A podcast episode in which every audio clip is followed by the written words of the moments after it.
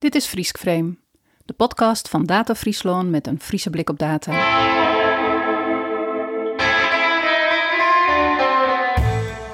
Ik denk dat de grootste verandering is, is dat uh, wat, uh, wat vijf jaar geleden nog bij een universiteit is dat, of tien jaar geleden, dat dat steeds meer zijn weg vindt eigenlijk naar de eindgebruiker. Dus dat de beleidsmedewerker tegenwoordig tools voorhanden heeft waarmee alleen de wetenschappers tien jaar geleden aan de gang gingen.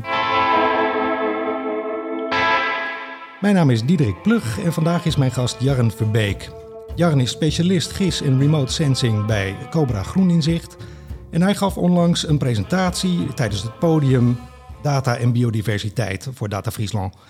Uh, Jarren, welkom. Dankjewel. Uh, ja, vertel eens even hoe jij in dit werk bent gerold. Uh, wat, wat, wat doet een specialist GIS en remote sensing? Ik ben erin gerold uh, bij dit bedrijf vanuit mijn studie.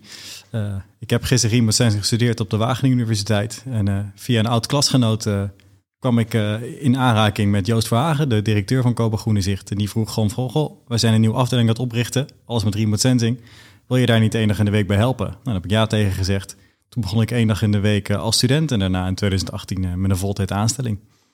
Is dit iets wat jij uh, tijdens je studie al ambieerde? Of uh, is het aankomen waaien doordat je die uh, aanbieding kreeg? Het, het, is me echt aankomen waaien. Ik had tijdens mijn studie geen idee dat dit soort bedrijven bestonden en wat die allemaal deden. Ik wist wat GIS was en ik wist wat remote sensing was. Maar het ging allemaal over landbouw en over bosbouw. Maar dit zo specifiek binnen Nederlandse steden en gericht op bomen, dat, dat wist ik niet eens dat dat bestond. En leg eens uit wat je ontdekte dan toen je ging werken bij Cobra dat er een hele wereld speelt rondom een boombeheer. Die uh, uh, zich heel erg richt op het uh, veldwerk van oudsher. Dus, dus naar buiten die boom bekijken. Hoe doet hij het en, en wat vinden we daarvan en wat moeten we ermee doen? En hoe dat zich nu al een paar jaar aan het uitbreiden is naar echt een hele datakant. En ik denk toen ik begon in 2018 was het allemaal nog echt verkennen. Pionieren in ieder geval voor ons als bedrijf. En die hebben daar zoveel grote stappen in gezet. En als je nou, uh, je verzamelt dus data over bomen. Ja, uh, met name. Maar we hebben het ook over biodiversiteit. Ja. Uh, is die boom de basis van biodiversiteit in steden? Nee, zo zou ik het niet durven zeggen. Het is wel een basis, het is wel een stevige pilaar, maar er is veel meer voor nodig. Um, maar vanuit van achtergrondbedrijf was dat wel heel erg de eerste stap die wij zetten. En daarna dan komen er veel meer stappen bij. Als je alleen de boom analyseert, dan heb je per definitie een incompleet beeld. Maar je hebt dan een stuk meer dan dat je helemaal niks analyseert. En als je dat goed onder controle hebt, als je weet hoe je daar data over moet verzamelen en analyseren, dan wordt het ook steeds makkelijker om al die andere aspecten onder de knie te krijgen. Want je bouwt gewoon ervaring op. Maar even terug naar het begin, hè. laten we het even concreet maken. Jij gaat op pad. Hoe ziet jouw werkdag eruit? Wat is het dat je verzamelt en met welk doel doe je dat? Nou, op pad ga ik niet. Ik doe van alles van achter de computer. Um, andere mensen gaan op pad om het in te winnen.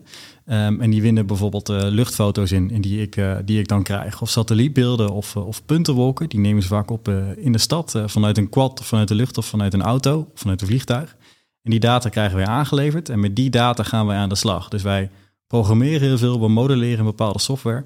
En, en wij schrijven zelf onze scripts om, om automatisch data te halen uit die, uh, uit die, die eentjes en nulletjes. Letterlijk miljoenen, miljarden eentjes en nulletjes. En welke vragen worden er gesteld op basis waarvan jij antwoorden moet zoeken? Ik denk dat we dat twee richtingen kunnen specificeren. Eén is heel erg het, het operationele beheer. Uh, ik moet duizend bomen beheren, maar ik mis er nog 200. Wil je die voor mij op de kaart zetten? En ik wil weten hoe hoog ze zijn, want uh, heb ik een hoogwerker nodig of niet als ik ze ga snoeien?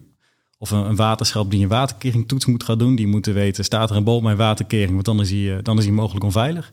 En de andere kant is beleid. En dat is nu denk ik onze grootste doelgroep waar we ons richten. En dat is, ik, wil, ik heb een vergroeningsopgave, maar waar moet ik in, in hemelsnaam beginnen? Ik weet waar het ongeveer staat, maar ik heb geen compleet beeld. Nou, wij maken dat complete beeld en vervolgens probeer ik in kaart te brengen. Als je dat beeld hebt, ga dan daar als eerste aan de slag om nieuwe bomen te planten. En als je geen boom kan planten, denk dan hieraan. Nou ben je vandaag midden in, in, in Leeuwarden, waar een wandelend bos uh, is, het project Bosk. Helaas komen de bomen gewoonlijk niet naar jou toe. Je zit achter je computer en de data komen naar jou toe. Al die bronnen bij elkaar, is dat nieuw? Of toen jij in 2018 begon, was die data, waren die data er toen ook al? Die, die data bestond er wel, maar je ziet wel dat de kwaliteit heel erg aan het verbeteren is. Dus dat doet hij denk ik al tien jaar lang. En ik denk dat we nu ongeveer een optimum aan het bereiken zijn. Toen we begonnen keken we nog heel erg veel naar alleen satellietbeelden. Dan heb je een hele grove resolutie, 30 bij 30 meter werkt er veel mee. Uh, fantastisch als je voor heel Nederland breed wat uit wil zoeken, maar we willen eigenlijk naar het straatniveau toe. Ja, nu werken we met puntenwolken waarbij je per vierkante meter 100 puntjes hebt. En wat zit er in zo'n puntenwolk? Probeer het eens voor mij te verduidelijken. Want ik denk, hè, biodiversiteit, dat zijn systemen. Hoe breng je zo'n systeem in kaart? Door hem uh, uit elkaar te trekken. Dus het begint bij een stukje inventarisatie. Uh, dat is denk ik al de afgelopen vier jaren uh, ons vak. Breng eerst maar eens in kaart wat er eigenlijk is. Want dat complete beeld ontbreekt eigenlijk. En pas als je dat complete beeld hebt, dan kun je aan de gang. Dus concreet een puntenwolk, dat is, dat is een, een x, een y en een y. Dus een plek op aarde en een hoogte. En die geeft een bepaalde structuur weer. Bijvoorbeeld, het is hier, het is hier een vlak, of het is hier heel ongestructureerd, of het is hier, het is hier heel erg recht. En als je dat met elkaar kan trekken, dan zie je op een gegeven moment: oké, hier heb ik mijn grond te pakken, hier heb ik mijn gebouw te pakken. En dit wazige stukje, dat, dat zou dan wel iets met vegetatie zijn. En vervolgens kun je dat er in elkaar trekken. Oké, ik zie hier een boomstam in, dan weet ik dat hier een boom staat. Maar ik heb ook nog allemaal onderbegroeiing. En daarnaast heb ik ook nog iets heel laag en vaag, dat zal dan wel een vorm van gras zijn. En zo ga je dus eigenlijk die verschillende aspecten van, noem maar even de natuur, op de kaart zetten. Wordt daarbij trouwens ook meegenomen het uh, dierenleven, wat, wat op die plekken uh, leeft? Wij focussen ons met name op, op planten en bomen, omdat het natuurlijk een voorwaarde is voor dieren om er te komen. Hè. Als je, geen, geen plantjes hebt, dan komen er ook geen bijtjes. Dus dat is wel een begin waar wij beginnen. Ik heb collega's die doen heel veel vetwerk en die gaan heel van naar buiten en die kijken wel veel meer naar, naar die zoogdieren, met name vleermuizen. Ik kan me voorstellen dat het, eh, het verzamelen van die data best wel een uitdaging is. En ik kan me ook voorstellen dat je soms even niet weet waar je moet beginnen. Eh, als jij kijkt vanaf eh, je studietijd, en de Wageningen University heb je gestudeerd. wat is er veranderd in die periode? Is het de technologie die veranderd is of de manier waarop je data kunt verwerken? Ik denk dat de grootste verandering is, is dat uh, wat, uh, wat vijf jaar geleden nog maar in universiteit zat, of tien jaar geleden, dat dat steeds meer zijn weg vindt eigenlijk naar de eindgebruiker. Dus dat de beleidsmedewerker tegenwoordig tools voorhanden heeft waarmee alleen de wetenschappers tien jaar geleden aan de gang gingen. Dus het is veel meer uh, concreet geworden, veel meer toepasbaar en veel meer komt het ook terug tegenwoordig in, in beleidsstukken. Dat datagerichte werken, dat is, is aan een opmars bezig. Wie zijn jullie klanten? Met name gemeentes af en toe wat aannemers, uh, waterschappen en provincies, maar het vaakst gemeentes. Zij zijn ook degene die, uh, die het meest concreet gaan over de inrichting van de stad in ons land. Dus jullie mikken ook vooral op stedelijke gebieden, op, eh, op, op, op bewoond gebied zal ik maar even zeggen. wie en wat brengen in kaart hoe de buitengebieden erbij liggen? Doen jullie dat ook? Uh, minder. Wij focussen ons wel meer op het stedelijk gebied. Uh, platteland hoort er ook wel een beetje bij. Waar we ons niet echt op focussen zijn de natuurgebieden en de bosgebieden. Omdat het een hele andere tak van, uh, van sport is. Bosbouw is echt iets heel anders dan, eh, dan je bomen in je stad beheren. En stadsecologie is echt iets heel anders dan natuurgebied beheren. Als je nou naar de afgelopen vijf jaar kijkt en je bent met die data bezig geweest, daar heb je op gekoud naar hartelust. wat zijn jouw bevindingen over de toestand van de biodiversiteit in Nederlandse steden? Die, die kan wel een verbetering gebruiken. Ik denk dat die vergroeningsopgave waar we met z'n allen mee zitten, dat die wel, uh, die staat denk ik nog in de kinderschoenen. En die kan wel een boost gebruiken. En ik denk als die vergroeningsopgave goed op de rit komt, dan komen er vanzelf ook meer kansen voor de biodiversiteit. Denk je dat dat thema, hè, bij gemeenten leeft het, uh, maar ik kan me voorstellen dat de burger in die gemeente uh, het worst zal wezen hoe het met de bloemen en de bijen in, in zijn straat is of in het lokale parkje. Vind jij dat dat iets is waar, waar meer naar gekeken zou moeten worden? Want jij handelt in data, maar die data hebben betrekking op menslevens. Ja, ik, ik, weet niet of mensen daar niet mee bezig zijn. Ik denk dat er heel veel mensen wel degelijk mee bezig zijn. Dat die het ook heel belangrijk vinden. Die laten ze ook met regelmaat horen. Ik denk dat er wel een kennisgat is bij een hele grote groep mensen die ook niet zo goed weten wat het dan precies inhoudt. Maar ik denk als je mensen vraagt, hou je van bloemetjes in je tuin? Dat heel veel mensen ja zeggen. En daarmee geven ze al een klein beetje aan dat ze natuur tot op bepaalde hoogte wel belangrijk vinden. Dus ik weet niet hoe, hoe onbelangrijk mensen het vinden. Ik denk dat ze mensen het belangrijker vinden dan dat, dan dat we misschien uh, dan dat het beeldvorming is.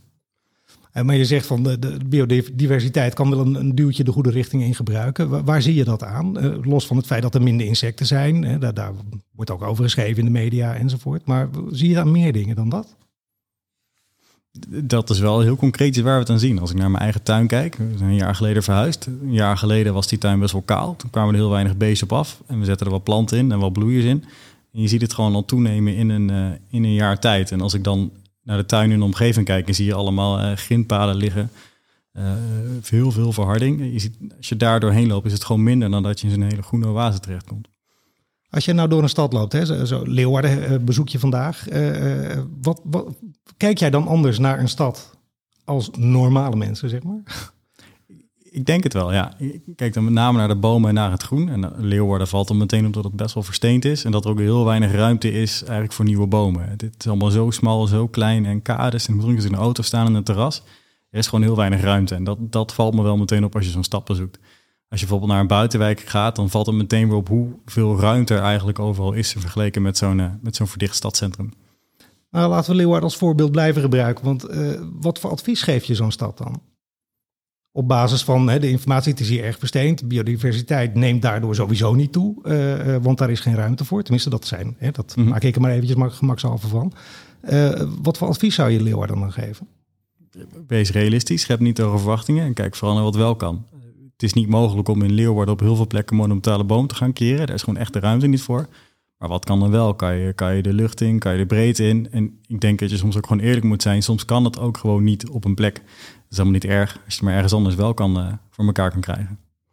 Als je dit nu breder trekt, hè, want dit, dit, zijn gemeenten die in feite de leefbaarheid van hun stad uh, hun gemeente moeten verbeteren door groenbeheer. En ze hebben inderdaad een, die, die vergroeningstaak van overheidswegen gekregen. Mhm. Maar even los daarvan, de burger. Even weer terug naar die burger. Want burgers en data zijn altijd een beetje een ding. Hè? feiten, meningen, wat is het? Hoe makkelijk is het om de data die jij verzamelt en de resultaten die je daaruit haalt, om daar een, een goed verhaal mee te vertellen? dat, dat is denk ik wel een van de grootste uitdagingen binnen mijn vakgebied. Ik denk dat die kant van het verhaal veel ingewikkelder is dan, dan in het technische vlak. Hè? Want als je maar genoeg mensen en tijd ergens tegenaan gooit om, om te programmeren, dan komt er vanzelf een goed product uit. Althans, zo, zo denken wij een beetje binnen ons bedrijf. Maar juist dat verhaal vertellen naar, uh, naar de leek en andere mensen, dat is eigenlijk veel moeilijker. En ik denk persoonlijk dat het vooral een kwestie is van vertrouwen. Dus begin bij begin, leg uit waar je mee bezig bent en wees ook vooral heel eerlijk over wat je doet. Wij, maken modellen, we proberen de werkelijkheid na te maken in een model en dat is per definitie eindig nauwkeurig. En als je daar van tevoren eerlijk over bent en vervolgens uitlegt van dit kan niet, maar dit kan wel en dan laat zien in plaatjes wat wel kan, dan creëer je vertrouwen en dan merk je dat, dat een bepaalde sceptisch die bij mensen heerst ook minder wordt. Heb je, heb je dat ook aan de lijve ondervonden, zeg maar? Uh, is dat, uh, dat lijkt me namelijk ook iets wat je geleerd moet hebben de afgelopen jaren. Ja, regelmatig bij gemeenten kom je tegen. Toch, uh, je laat iets zien en, en ze zien is dat niet klopt. En zeggen, oh, het klopt niet, dus, dus kan ik het dan wel vertrouwen? En dan moet je eigenlijk even een stapje terug van, joh, ergens moeten we beginnen. Wij, wij brengen wat in kaart, dat doen we automatisch, want met de hand kan het niet. Hè. We kunnen niet de duizend man jouw stad insturen om alles in kaart te brengen. Dat is onbetaalbaar, duurt te lang en uh, het is morgen weer verouderd. Dus wij doen het op een manier die wij denken dat die efficiënter is. Um, en dan dat gesprek moet je een beetje aangaan. En wat gewoon helpt is dan eerlijk te zijn van dit kan wel, dit kan niet. En joh, misschien focus je erg op datgene wat, wat niet klopte. Maar als ik nou eens even ga kijken naar de mogelijkheden en wat wel kan, zie je daar dan toekomst in. En wat je merkt is dat sommige mensen even moeten ontdooien. Je moet even hebben over wat niet klopt. En dan na een, na een kwartiertje of een half uurtje kun je gaan praten over wat wel klopt en wat je er wel mee kan. En je ziet dat mensen daarna langzaam beginnen op te leven. Dus je moet inderdaad wel even door die, door die barrière. En er is de eigen tijd nodig voor mensen om te landen wat je eigenlijk aan het doen bent. Als je, als je, en als je die fase door bent, hè, je hebt uh, zeg maar het, evangelie gepredikt en, en uh, men, men is overtuigd van het verhaal. Wat zijn dan de, de grootste bottlenecks zeg maar, die je tegenkomt bij het uitvoeren van jullie adviezen? dat zijn er zoveel die, waar het mis kan gaan. Het, het kan heel erg misgaan bij degene die het, uh, die het doet. Ziet hij er wel toekomst in? Heeft hij de tijd voor? Dat is vaak iets waar we tegenaan lopen. Volgens moet hij nog een budgetvervrijzing te krijgen bij zijn, uh, bij zijn uh, teamhoofd of bij de gemeenteraad of wat dan ook. Je ziet dat het daar ook wel vaak op stuk loopt. En soms denk ik ook dat wij het verhaal gewoon niet goed genoeg uitleggen. Dat is, het kan altijd een van de drie zijn of alle drie tegelijk. Maar het moet een beetje samenkomen. Hè? Iemand moet het nut ervan inzien. Er moet een bepaalde klik zijn tussen jou en, en degene waar je mee praat. En er moet er ook nog een beetje tijd voor hebben om, het, om ermee aan de slag te kunnen gaan. Als dat drie samenkomt, dan zie ik ook dat het wel heel, iets heel moois kan worden en ook best wel snel kan gaan daarna. Ik, ik heb een beetje het idee dat, dat wat jij doet, jouw vakgebied, dat het ook een beetje pionieren is, nog steeds. Want er komen steeds meer mogelijkheden bij om data te verzamelen. En die gaan we allemaal gebruiken natuurlijk, want dat is wat er gebeurt met data. Binnenkort hangen er overal drones boven bossen en weet ik het wat, als dat niet al het geval is. Um, dat pionieren lijkt me geweldig voor een wetenschapper, uh, wat jij van huis uit bent. Denk jij dat wetenschappers als jij, uh, mensen die de, praktijk ingaan, goed zijn voorbereid vanuit hun studie op het vertellen van dat verhaal waar we het net over hadden? Op het overtuigen van de klant, de belanghebbende, de, de, de uh, stakeholders, zeg maar, van er moet nu iets gebeuren, uh, het is dringend, want dat is het. Um, ik denk weer dat dat weer een beetje persoonlijk is. Als ik naar mijn studie terugkijk, zag je mensen die daar heel goed in waren en minder goed in waren. Um, ik weet wel dat inderdaad in de studie daar was niet zo heel veel aandacht aan. Uh, het zijn vaak toch een beetje techneuten, een beetje nerds, laten we het zo maar gewoon noemen. Die het liefst de dag heel de dag in hun computer zitten en allemaal gave dingen doen, mooie kaartjes maken en dat. Uh, en dan is het eigenlijk klaar en dan wordt doorhollen naar het volgende. Dus daar kan wel wat meer aandacht voor zijn. Ja. Um, dat gezegd hebbende, er zijn natuurlijk altijd mensen die leuk vinden om erover te praten en er enthousiast over zijn en die kennis willen delen. Nou, daarom zit je hier. Ja, precies, daarom zit ik hier, exact, ja. Maar, maar, maar heb jij... Vaak is het zo dat mensen die met uh, natuur bezig zijn, en dat ben je natuurlijk ook, hè, want je komt niet voor niks uit Wageningen, dat die ook een soort, ja, kom ik weer met dat evangeliseren, maar dat, waarmee ik bedoel van je wil die boodschap uitdragen, het belang ervan. Want er zit ook spoed achter, zeg maar, of drang achter. Uh, tenminste, hè, we, we, leven nu in tijden van, uh, van uh, protesterende boeren, stikstofkwestie. Die heeft één op één betrekking natuurlijk op, op wat jullie aan het doen zijn. Um, is dat voor jou een, een stimulans? of is het juist iets wat je werk vertroebelt? Omdat bijvoorbeeld, mijn woorden, de politiek misschien nu wel uh, gaat reageren op een manier die helemaal niet nuttig is voor jullie, voor jou, voor het werk wat je doet? Um, wat, ik, wat ik een beetje zie met de corona, die stikstofdiscussie, dat het tegelijkertijd helpt. Um, omdat het en het brengt het gesprek op gang. Want iedereen gaat eens een keer nadenken, goh, stikstof en biodiversiteit, waarom is dat eigenlijk zo belangrijk? Dus, dus het helpt wel om een gesprek op gang te brengen. En uh, het zijn wel hele mooie testcases voor mij om uit te leggen, goh, wij doen ook iets met modellen. Um, in die zijn ook eindig nauwkeurig maar je moet wel ergens beginnen met bouwen. Want als je helemaal geen cijfers hebt, dan weet je helemaal niet wat je aan het doen bent. Dus het helpt ergens ook wel om het, uh, om het gesprek op gang te brengen. En het zijn hele actuele thema's. Dus het zijn wel hele mooie uh, openingen voor het gesprek. Betekent het, ook, uh, betekent het ook dat je anders gaat kijken naar de manier waarop je je werk doet? Bijvoorbeeld in de zin van, weer eventjes inhakend op dat stikstofverhaal, dat, dat, dat komt ook van buiten, dat heeft ook effect. Uh, ik kan me voorstellen, en alle data scientists uh, die ik spreek, uh, die willen kunnen voorspellen, uiteindelijk. algoritmes ontwikkelen waarmee dat moeiteloos gaat gebeuren. is dat, je zegt eindig nauwkeurig, is dat voor jou ook een ding? Is dat iets waar je, waar je naar streeft?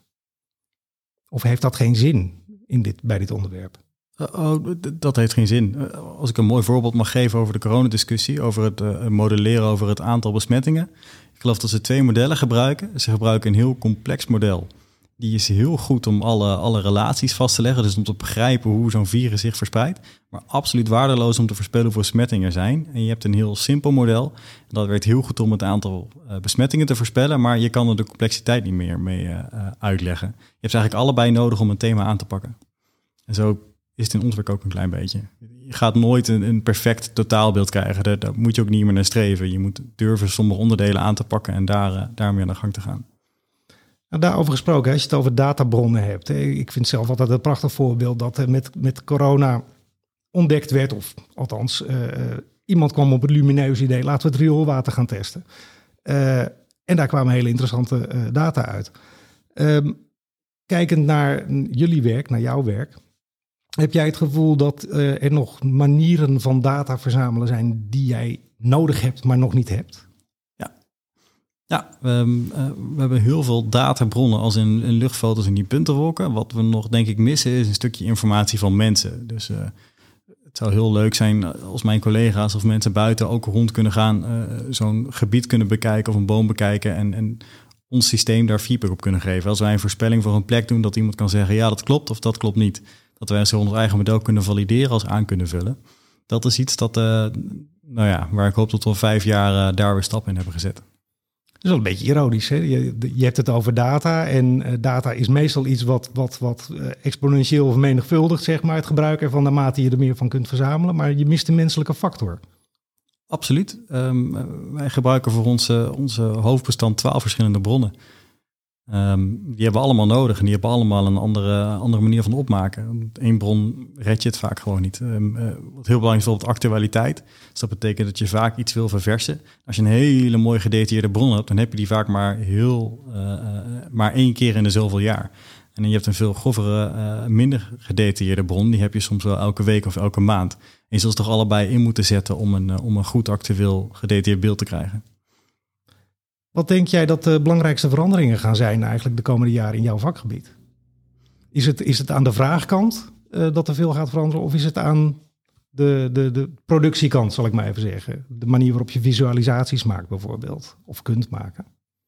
Nou, zoals je heel mooi zei, we zijn eigenlijk al vijf jaar lang bezig om het uh, data-evangelie uh, te verspreiden. En wat ik hoop is dat dat de komende paar jaar landt. Dat daar eigenlijk de grootste stap in zetten. Dus dat mensen de waarde erin van zien van oké, dit kan nu weer mee. En zo, het maakt mijn werk ook echt beter. En het helpt mij ook echt om, om, mijn, uh, om mijn vergroeningsopgave in te vullen. En om daarmee die biodiversiteit te verhogen. Ik denk dat dat de grootste klapper gaat worden in de komende jaren. Dat denk ik niet alleen, maar dat hoop ik ook vooral. Gaat dat moeilijk zijn, denk je? Of, of uh, je leeft, we leven ook in tijden dat het bewustzijn groeit van... nou, die data zijn eigenlijk best wel handig als ik er even goed over nadenk. Het, het, gaat steeds makkelijker, omdat het nu van meerdere richtingen komt. Hè. Dus wij lopen al, al vijf jaar overal de deur plat om het te vertellen, maar niet iedereen gelooft het. Maar tegenwoordig hoor je het ook nog eens op het nieuws en de gemeenteraad die begint er ook al over. En je hebt een, een andere afdeling doet er ook al iets mee. Dus omdat het van meerdere uh, afdelingen komt, maar wordt het ook makkelijker om, het, uh, om erover te praten en om mee aan de gang te gaan. En ondertussen hebben we ook gewoon gemeenten die er al wel mee aan de slag zijn gegaan. Bijvoorbeeld de gemeente Leeuwarden. En die doen dat vind ik zelf bijzonder succesvol. En dan heb je ook een mooi verhaal wat je kan vertellen van, joh, als je het zo inzet, dan, dan, dan ga je echt naar je doel toe. Dus je hebt eigenlijk op alle vlakken het, het, het tij mee. Een, een, beetje wel, ja. ja. En als je dan kijkt, even, even die datakant vergetend, de natuur. Hoe hoop jij dat die zich ontwikkelt op basis van, van jouw werk? Um, als we kijken naar het stedelijke gebied, hoop ik dat die vergroeningsopgave gewoon beter ingevuld kan worden. Um, ik zie dat denk ik een beetje op twee manieren. Als ik toch maar even weer die bomen, hè, die, die, die basis waar het bedrijf mee begonnen is, daar maar meer aandacht voor komen, in dat die veel meer groeiruimte voor nodig heeft. Um, ooit werden beleidsplannen plannen geschreven op, uh, op het aantal stammetjes. Ik wil, ik wil duizend bomen extra.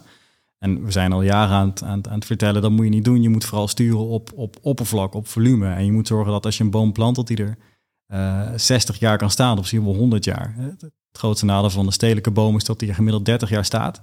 En pas na 30 jaar begint die boom echt zijn baten te leveren. Dan heeft hij een goede waarde voor de biodiversiteit. Dan koelt die omgeving echt af. Dan vangt hij hemelwater af. En vaak wordt hij op dat moment ge gekapt. Dat is echt zonde. Dat is een bizarre vorm van kapitaalvernietiging als je er zo naar kijkt. Dus voor die bomen hoop ik dat dat verhaal veel beter gaat landen. Betere groeiplaats, meer gestuurd op volume en op monumentale bomen. En voor de rest hoop ik dat... Uh, dat zijn al goede stappen. Hè? Dat er een veel beter maaibeleid komt, dat er minder gemaaid wordt, uh, dat er veel meer ruimte is voor bloemetjes en uh, voor bijtjes. Dat we niet alleen maar zo'n strakke grasmat hoeven te hebben. En dat als we ergens een plein hebben waar misschien geen bomen staan omdat er markt staat, dat er wel andere creatieve manieren zijn om er toch iets mee te doen in plaats van uh, we maken er een hele grote parkeerplaats van. Dus het gaat meer om kwaliteit dan om kwantiteit. En eigenlijk moet de enige strak gemaaide grasmat in het lokale voetbalstadion liggen, wat jou betreft. Zo'n beetje wel, ja. Oké, okay, nou Jarren, uh, we kunnen hier nog uren over doorbomen, maar uh, ik dank je voor je, voor je tijd en uh, succes met je werk. Dankjewel, graag gedaan. Tot zover Friesk de podcast van Data Friesland met een Friese blik op data. Wil je meer over dit onderwerp weten? Kijk dan op onze website www.datafriesland.nl. Daar vind je alle informatie over onze activiteiten. Voor nu bedankt voor het luisteren en on